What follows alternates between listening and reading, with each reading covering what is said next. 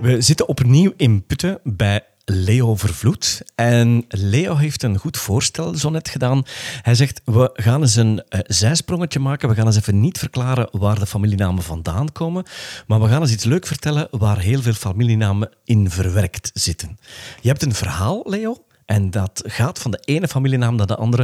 Ik heb geprobeerd van ze te tellen tijdens de voorbereiding, maar ik weet absoluut nog niet hoeveel dat erin staan. Ik ook niet. Oké, okay. Het is mij ook onmogelijk. laten we eens luisteren. De vos met de jageren.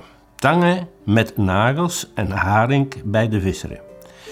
In de winter van 1963 was de allerstrengste van de 20e eeuw. Zelfs de Noordzee lag vol ijs.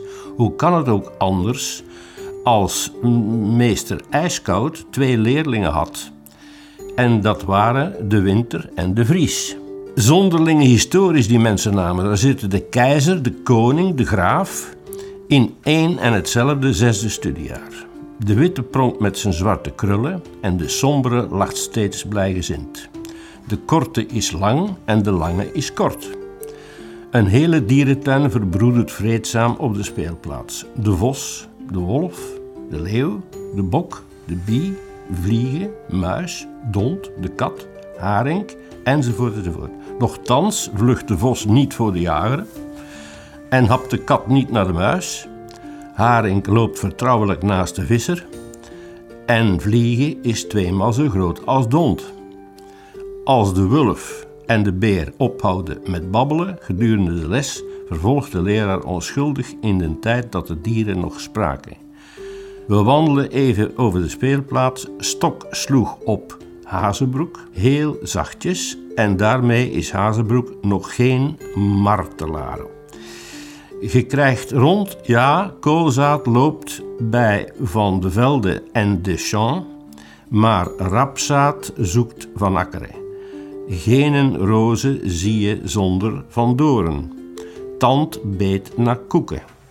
Het hoofd trippelde achter de bal, maar het was Rauwvoet die kopte en Engelbeen kopte terug. Doch Buik was zeker het zo snel met zijn voeten. Velen stonden te kijken en Dane kraaide naar Corneille.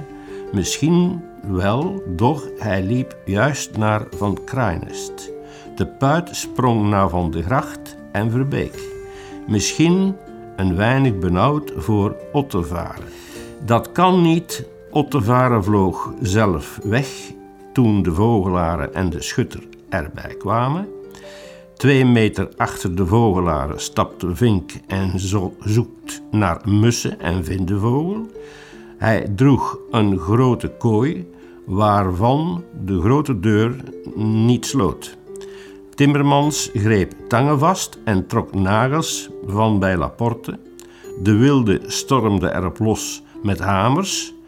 Gelukkig dat de koene als dapper beschermde en de smet nam hamers bij zich en klopte op de schouders van de blok.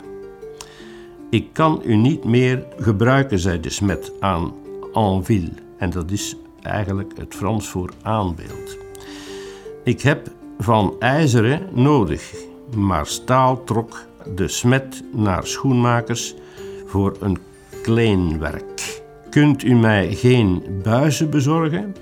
De kranen verkoopt er geen meer. Nee, ik, zei de mesmaker, vraag het aan de ketelaren. Hij belde bij de ketelaren, maar het was mesdag, die zo vond hij geen buizen.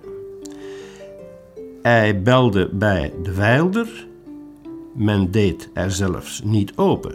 Te begrijpen, de dove is er portier. Ja, namen.